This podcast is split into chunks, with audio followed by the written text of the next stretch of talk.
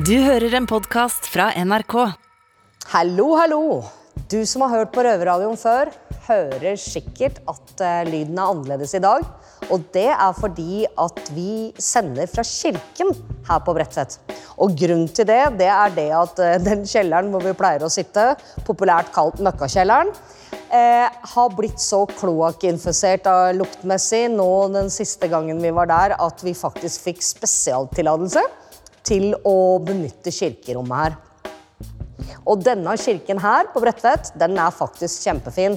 Og hvis du hadde kommet utenifra og bare kommet inn her og sett opp mot kirken her, så hadde du trodd at det var en, en kirke, faktisk.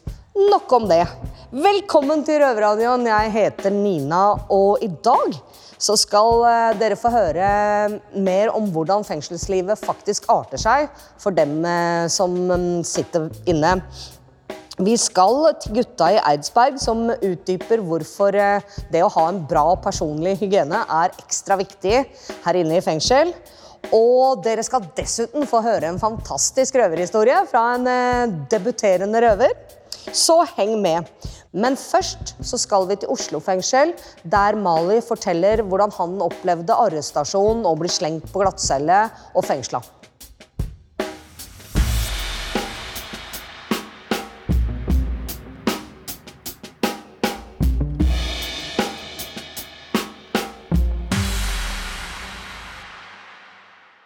Høsten 2020.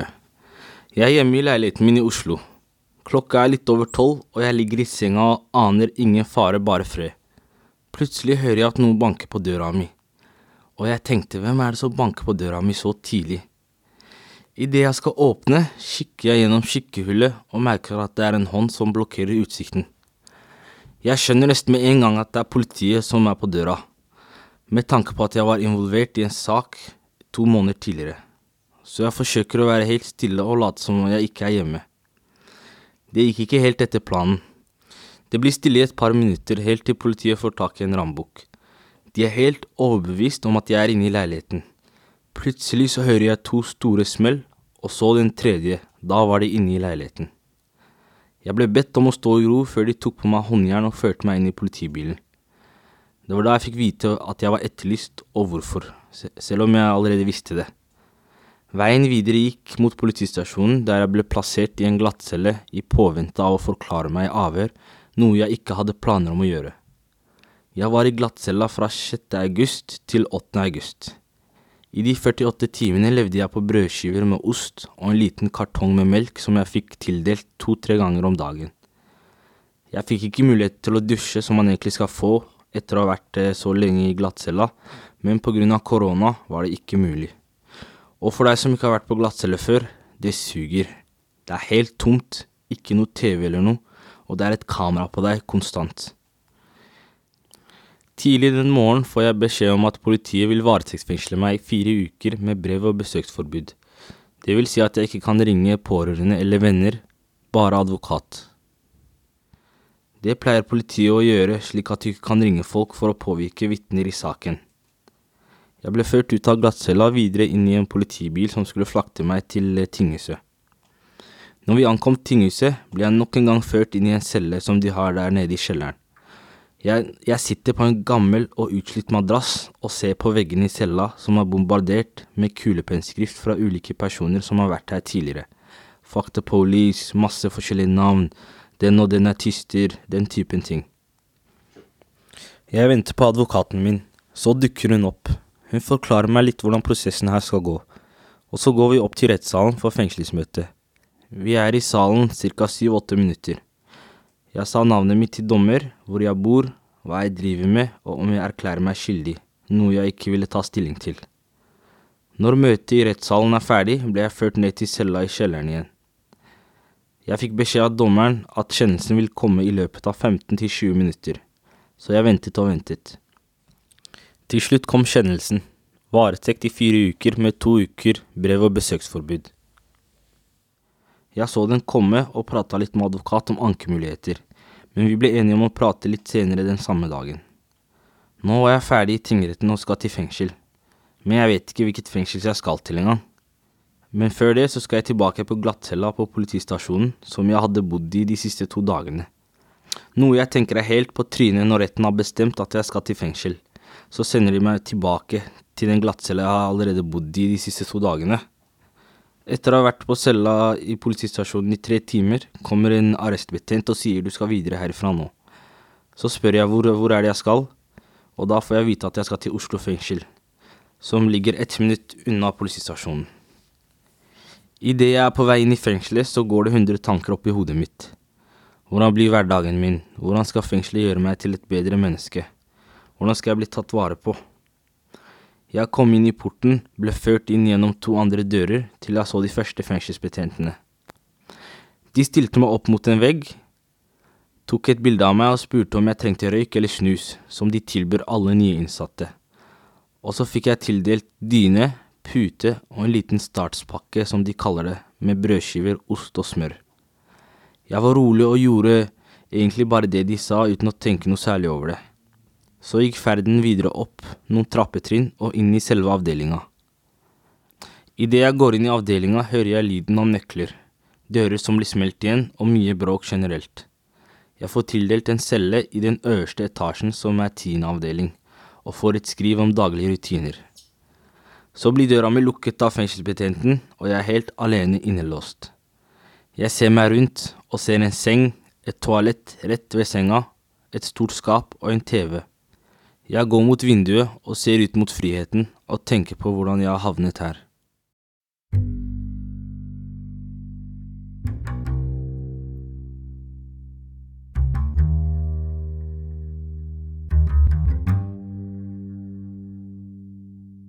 Ja, da er eh, jeg på vei ut døra i kirken her, hvor vi har en liten eh, som kalles Dronninghagen for øvrig, ingen mindre, for vi er jo alle dronninger her på Bredtvet. Um, en liten uh, hage i tilslutning til kirkerommet her. Jeg trenger nemlig litt frisk luft før jeg kan guide dere videre i denne sendinga. Ah. Her er vi da ute med gress og blomster og Eller blomster er det dårlig med på denne tida av året, men jeg ser opp på to dronningkroner her, og her har gartnerkurset anlagt en liten trone i tre også. Intet mindre. Og litt brosteinsbelegning og skifer og Og naturligvis masse blomster og bærbusker og sånn om sommeren når det, dette blomstrer. Ja, jeg kan jo si at jeg kjente meg igjen i mye av det Mali beskrev der. Og for dere som lytter og som tenker at han høres ganske skill ut når han beskriver noe som for de fleste kanskje ville blitt opplevd som veldig traumatisk, så tror jeg at jeg forstår grunnen til det. Jeg eh, sjøl blei i en viss periode av livet mitt stadig vekk arrestert og slengt på glattcelle. Det var på den tiden Uropatruljen eh, drev og herja i, i stoffmiljøet i Oslo. Og, og de trakasserte folk og slengte dem på glattcelle støtt og stadig. Og det som skjedde med meg, var at eh, etter hvert, eh, ganske kjapt, for å, for å overleve det der sånn, så, så, lærte kroppen seg å håndtere det på en ganske besynderlig måte. Altså, jeg kunne, selv om jeg akkurat hadde satt meg en dose med veldig sentralstimulerende, altså med andre ord var veldig våken, og burde vært våken i 24 timer strak framover, så fort jeg så farvene i fengselsgulvet der og vegga, gå inn i en form for søvnmodus. Altså kroppen stengte seg bare ned, og jeg kunne legge meg på det der harde gulvet og sove helt til døra ble åpna igjen og jeg kunne slippe ut. Så dersom det høres veldig greit ut, så er det sannsynligvis fordi at Turit stenger ned, og at du lærer deg å håndtere sånne ting som om det var eh, vanlig. Men nå skal vi over til Eidsberg, der eh, gutta forklarer hvordan en så enkel sak som bare å sende et brev eh, kan bli komplisert, og blir det på innsida. Når man trenger å få tak i en kompis på utsida, så ringer man eller Sender en melding. Drar på besøk, sånne ting. Men vi sitter inne, så vi får ikke gjort det. Eh, jeg heter Daniel, sitter her med Lester og Esby. Yes, godt å være tilbake. Ja. Kan du gi meg noen eksempler på Eller du har jo et eksempel på hvordan du måtte få tak i kompisen din, eller kompisen vår, da, her om dagen. Siden du har blitt flytta til eh, restriksjonsavdeling og sånne ting. Jeg sendte en brev, altså. Ikke sant? Skrev et brev, sendte det. Ja, jeg er vant til å sende brev med frimerke, siden jeg har venner som sitter andre steder, men uh, Vår eh, venn SB, vil du forklare litt om hvordan du fikk det sendt, eller? Hvordan så brevet ditt ut? Ja. Det var bare egentlig Jeg bare hadde skrevet det, og så ga jeg det til en annen innsatt, og han andre fikk jo det Tok han det bare med egentlig opp, og så fordi de er på samme avdeling, så han ga det til han. Så Men hvis jeg skal sende et brev til andre fengsel, så er det frimerker, konvolutt, adresse, hele den der. Mm. Men ellers så Det er egentlig bare sånn, altså. Var det langt brev du skrev, eller? Ja, det var eh, en eller to sider, altså. Ja. Er Lengst du har sett den? Eh, Før det, jeg tror kanskje en uke. Litt over det, kanskje. Mm. Syns, ja, han syntes det var hyggelig å få brevet, eller? Ja. Ja? Hvordan reagerte han? Jeg vet ikke, jeg var ikke der, altså. Men uh, han Da- kom i hvert fall på Ja, da har vi møtt han etterpå, da. ja, Så Sånn jeg forsto det, han fikk litt uh, Eller han eh, Ja. Han fikk litt dårlig samvittighet, ja. Ja. han ikke hadde møtt deg sånn. Så han dukka opp. Ja, de fleste tenker jo sikkert at vi som sitter i fengsel, er jo oppå hverandre hele tida. Så hvorfor skal man sende et brev, ikke sant? Fram og tilbake. Men ting er, ting er ikke sånn. Det er jo Du kan sitte hva da, 20 meter fra hverandre, så ser du ikke karen på kanskje flere uker eller kort lenger enn det noen ganger òg. Sånn de som sitter i avdelinga over oss, det er egentlig et helt annet fengsel. mm. Selv om de sitter eh, to meter opp. etasjen over, liksom, så, er det, så ser du ikke dem på lang, lang tid. Ja. Ja, så hvis man skal finne ut hvordan det går med brorsan, eh, som enten er oppe eller en annen avdeling, så blir det brev det går i, da. Sant? Ber han uh, komme til et felles sted der du også skal på jobb, for eksempel. Ja. Forskjellige måter å gjøre det på. Ja. Men uh, ja, det er ikke som uh, de fleste tror, nei, at vi møtes og snakker hver dag. Ja. Det skulle vært sånn, da, men Skulle vært det. Altså, den bruker jo mye energi på å skille også, da. Liksom. for at hvis det er to venner i et fengsel, så skal ikke du sitte på samme avdeling. Og, fangesammensetning og bla, bla. selv om egentlig det er jævlig rart, for det Mm. ville- ville lagd bedre stemning på avdelinga. Det er akkurat det, men Så som i Sverige, så er det jo sånn. Da kan du velge hvem du skal ha inn på avdelinga di. ikke sant? For de skjønner at det holder, det holder jo roen. ikke sant? mm. Men her er det jo tvert om. Jeg skjønner ikke hva de tenker, egentlig. altså. Betyr det mye å få brev av eh, kompiser av deg når du sitter inne, eller? Ja, det, det betyr mye, altså. da. Det, Det gjør dagen litt, for Ja, meg det i hvert fall. Det, Ja, absolutt. altså. Når det gjerne er folk man ikke med, har snakka med på en stund, du vet Ja, Når det begynner å gå år og sånt, du vet. Man savner jo brødrene sine. si. For når man sitter her, eneste gangen så sier vi røvere møtes, det er eh, når vi har rettssak sammen, eller ja. er sant. Ja, det er sant, det er gærent. Brev er viktig, ass. Mm. Brev og, og kontakt med vennene sine er viktig. Få oppdatert hverandre når man hvordan man ligger an i permrutiner og Ikke sant? ja. Hvis man i det hele tatt har Du også har jo mange kompiser som sitter nå, har du ikke det? Ja. Begynner å nærme seg tosifra. Eller det er sikkert basert. Hva skriver du i sånne brev? Eh, det, det, det spørs, men uh, la oss si hvis jeg skal sende første brevet, så går det i Hvordan går det med deg? Det trener du? Mm. Uh, hvordan, hva gjør du om dagen? Mm. Hvordan er fengselet? Hvordan er de du sitter med? Typ, og så sender han meg et svar tilbake. Og så eh, Første brev er litt mer seriøst, andre brev man begynner å fucke litt med hverandre. Du vet, eh, Skriver noen minner, Ja.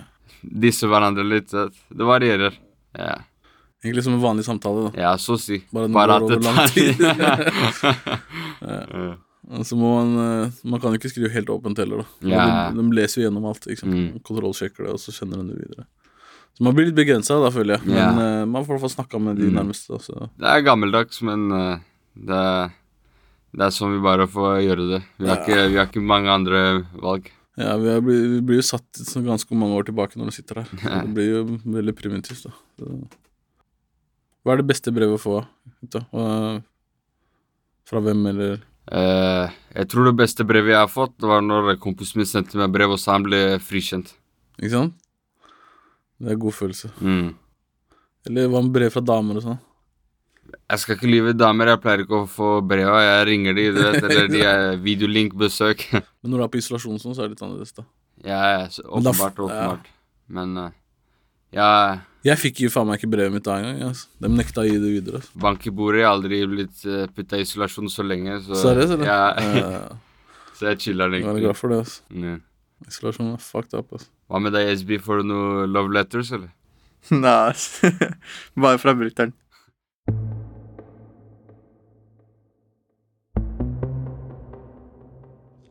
Ja, som dere hører, så har eh, gutta et, en form for intern eh, brevsystem, og det skjønner jeg veldig godt. Derfor at eh, hvis jeg vil sende et brev til en jente på en annen avdeling her, um, så behøver jeg ikke å sette på et frimerke. Jeg må derimot legge det i en konvolutt og skrive navnet hennes og avdeling og navnet mitt og avdeling. Og så må dette brevet forpasses gjennom sensuren, altså det vi kaller effekten her, hvor en betjent sitter og leser hvert eneste ord jeg skriver, og kan velge å sensurere brevet hvis det er noe som på noe vis kan oppfattes som upassende i det innholdet. Og akkurat hva som er upassende til enhver tid, det er ganske vanskelig å vite. Så eh, behovet for å kunne sende et brev med en, en venn er, eh, er stort. Eh, men eh, hvis jeg f.eks. vil sende et brev til B2, da, som er den åpne anstalten, der min forhenværende makker, Maiken, nå sitter, så er jeg nødt til å sende det gjennom eh, effekten. Og da skjer jo noe med kommunikasjonen. Det er noe som går tapt underveis. Altså, jeg holder kontakt med henne, og jeg veit vet sånn cirka hva som foregår i livet hennes, og hun veit sånn cirka hva som foregår i livet mitt. Men, eh, men eh, det åpenhjertige og det nære og det personlige, det tar man jo ikke med i brev som blir lest av en tredjepart. Så det er masse som blir borte i den sensuren. Dessverre så er det sånn. Men en annen ting som også er ganske annerledes her inne, det er eh, hygienen. Fordi her lever vi så tett. Vi lever jo på det nærmeste helt oppå hverandre. Og eh, det har sine utfordringer. Så over til Eidsberg igjen. Yes, vi sitter her i Eidsberg fengsel. Dere er Lester. Med meg er Daniel og vår nye kandidat Ali. Står til, gutta. Hva skjer da? Alt bra, gutta. Herlig, herlig. Yes, I dag skal vi snakke litt om uh, hygiene. Noe som er viktig i et fengsel. Ja. man, møter, uh, man møter mange spesielle individer i fengsel. Det tror jeg vi alle kan si oss enige på. Ja, absolutt. ass. Det er mye rare karakterer her. Så har du jeg har jo sett mye ille da, i forhold til situasjonen, eller tilstanden i cella til folk. da. Ja. Det, er- det er drøyt, altså. Verste er vel rått mugg på tallerkener. Ja, Sånn stabler med, med, med matrester, og Ja. folk har- vil ikke vaske sengetøyet sitt og sånn, du vet. Blod på puta, masse snus på gulvet, og Ja. sokker og boksere slengt overalt. og... Eller de som tror de er Kobe Bryant. Prøver å, ka prøver å kaste snus på søppelkassa og bomme hver gang. det. Nei, faen. Uh, ja. Ali, har du noen formeninger om det, eller? Eller er det noen spesielle krav du tenker er uh, nødvendig å ha? Ja, altså, her inne hvor vi bor såpass oppå hverandre, så Altså, jeg mener uansett generelt at man skal ha en bra hygiene, men her inne, om ikke du gjør det for deg, gjør det for alle andre. Helt enig, helt enig. Hva med deg, Danny? Sant det, altså. Men uh, ja, som du sier. Det er voksne menn her inne, liksom. Man jo klare å ta vare på seg sjøl.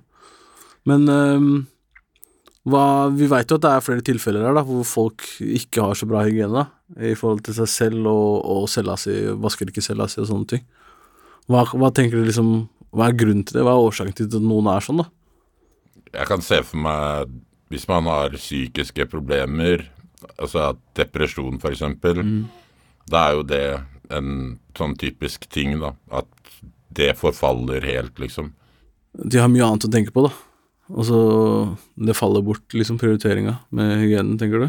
Mm. Ja, så er det sikkert, sikkert noen som også Ikke bare psykiske problemer, da, men de er kanskje ikke vant til å komme i fengsel. da Og kommer i en slags livskrise når du kommer inn her. Det er ikke alle menn som uh, har den kulturen at de pleier å vaske selv. Man har gjerne kvinnene i familie eller uh, kvinnen i livet ditt, kona di, som uh, vasker og sånn for deg. Men eh, spør Ja. du meg, jeg ser det er fortsatt ikke en god nok grunn til å ikke vaske, men Nei. Men du, du må alltid utvikle deg. Så hvis du er i en situasjon hvor moren din eller kona di ikke er til stede, så må du jo på en måte Eller hvis moren din er syk, hvem skal vaske da? Ja. Skal du få moren din til å vaske, liksom? Så er, som du sier, det er ikke god nok unnskyldning. Og i hvert fall personlig hygiene. Det, det er ingen som har blitt vaska Det er standard. ja. Du vasker deg sjøl sånn sett. Så. Men uh, hva er det dere tenker man skal gjøre hvis man har en på avdelinga som uh, ja, ikke, er, ikke er hygienisk, da? Som lukter litt og ikke vil vaske etter seg og Jeg tenker det enkleste er jo bare si fra på en rolig måte, da. Så han ikke blir fornærma. Men liksom eh, For det er jo jævlig flaut da Ja. å få den kommentaren slengt etter deg, tenker jeg. Selvfølgelig. Men Ali, hva er det du tenker man skal gjøre hvis Du har sagt fra flere ganger, da, og karen velger fortsatt å ikke ta hensyn? Nei, altså, da ville jeg hatt et sånt gruppemøte på avdelinga. Satt opp sånne generelle regler, da. Og hvor det hadde vært et krav, liksom. Altså eh, Og hvis ikke man kan følge de gruppereglene man ble enige om i fellesskap, så er det jo Da får man jo flytte, rett og slett. Ja. Det er en måte å En, Mm. en måte å er håndtere det på. en bra måte. Men hva skal man si, da? Man må dusje. Folk holder til å ta seg nær av det. Men det er jo egentlig en regel i fengsel her. Vi har jo egne vaskedager Mm. som vi skal vaske cella vår og sånne ting. Mm, Så det er kanskje betjentene må følge det litt mer opp, da. absolutt. Ja, det er jo egentlig deres jobb. Ja. eh, Danny boy, når du flytter til en ny celle, har du noen rutiner, eller? Ja, det starter jo med å begynne å skrubbe cella, da. Vaske og skrubbe og mm, Vaske vegger og tak og alt mulig. I hvert fall rundt sånn sengekanten og sånt, der folk har ligget mye og sånt. Der er det veldig viktig å, å gå nøye til verks, altså. Og Det tar tid, egentlig, å, det tar tid, å bli komfortabel inni en Ja, ny ja. celle, egentlig. I hvert fall hvis du har vært i, kommer i en skitten celle, liksom. Ja. Den lukta og alt det greiene der. Bare må få det til å bli ditt, da. Så hadde du et godt tips også, sist. Ja, Lite røvertips. Er eh, aldri ta under eh, pulten du er inne i cella di, eller bordet, for den saks skyld. Ja. Gjerne folk liker å ja, plukke litt buser og gni det under der og Ja. ja. Ikke måte på. Ikke vits å se under der engang. Ja. Ja, der, ass. kan spare deg for det. Det er et godt tips. Så, Hvorfor tenker dere egentlig det er sånn at folk eh, ikke eh, gidder å fucking snyte seg i papir eller noe og skal drive og tørke gnidde under en fuckings pult? Nei, Jeg ser ikke noen logisk forklaring til det. Det eneste jeg kan tenke, er at du vil bare lage faenskap. Fordi det er jo enklere å ta en serviett og snyte seg, Ja, enn å strekke seg bort til bordet og de tingene der. Og så skal man jo leve i det òg. Altså, det er jo nasty. Ja. Så hva, hva er rådet ditt da, Lester, til de som ikke vært så flinke til å vaske cella si? Først, uh, først prøv å ta det pent. Hvis ikke tyr man til litt uh, andre, andre virkemidler. Mm. Yeah. Viktigst er egentlig bare å gjøre det til rutine, mann. Og oh, busebord øh. Altså, jeg veit ikke om lytterne engang kan forestille seg hvor ekstremt ekkelt det er å flytte inn i en celle hvor folk griser så uhemma. Sjøl har jeg brukt øh, stort sett den første uka hver gang jeg har bytta rom, til å bare skrubbe gang på gang på gang til det til slutt har snev av rein lukt i seg. Eh, Så det å flytte er ikke noe enkel prosedyre. Eh, og så eh, bare en liten kommentar til gutta om at eh, dere må slutte å stole på at mora deres eller kona deres vasker opp etter dere. Brett opp arma og ta i litt sjæl, gutta.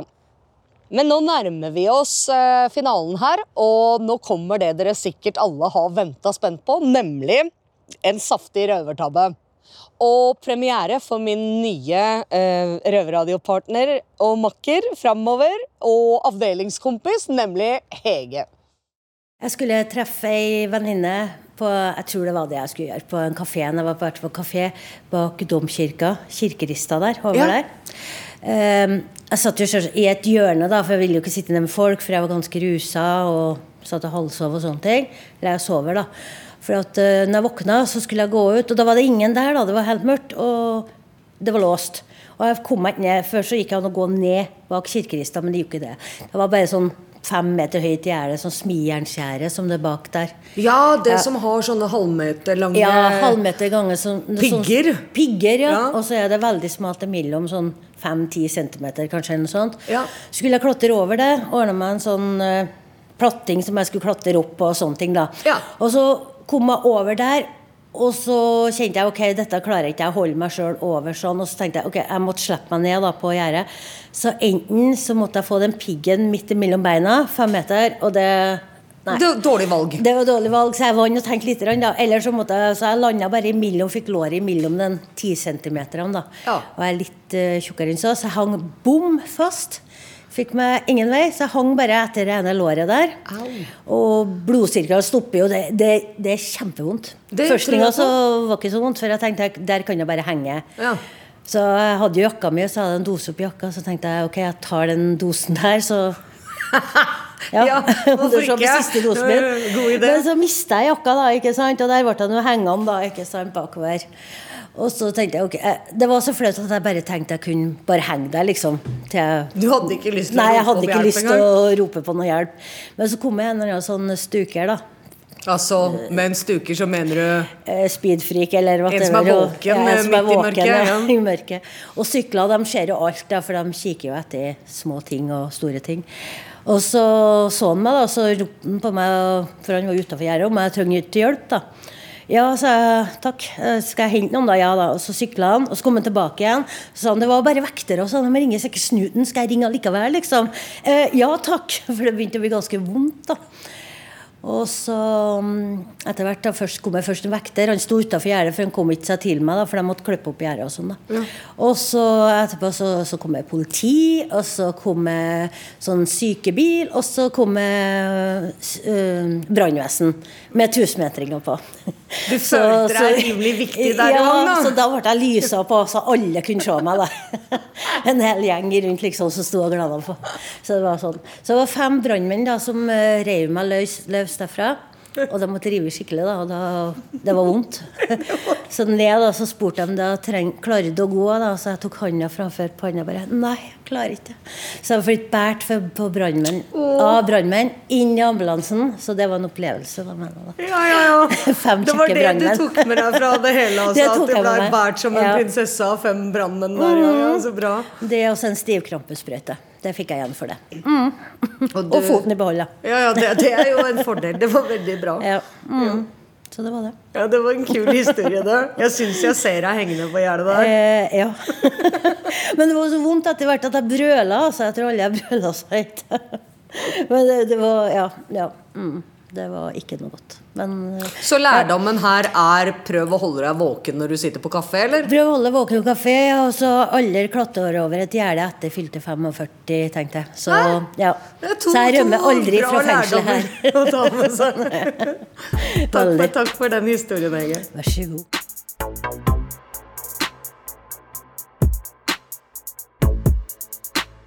Ja, så Hege rakk akkurat å fortelle oss denne historien, folkens, før hun var nødt til å hoppe av gårde til et uh, anleggsgartnerkurs. Men hun er tilbake uh, straks, og da kommer dere til å få høre mer fra henne.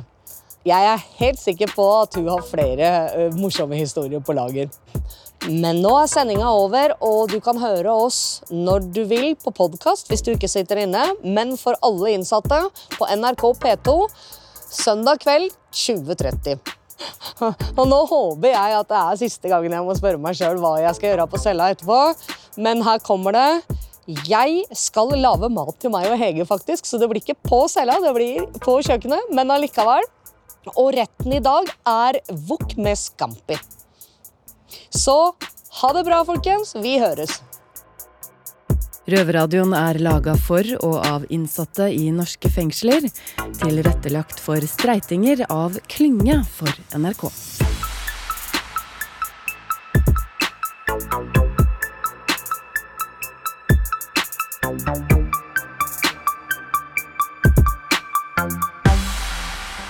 Du har hørt en podkast fra NRK. De nyeste episodene hører du først i appen NRK Radio.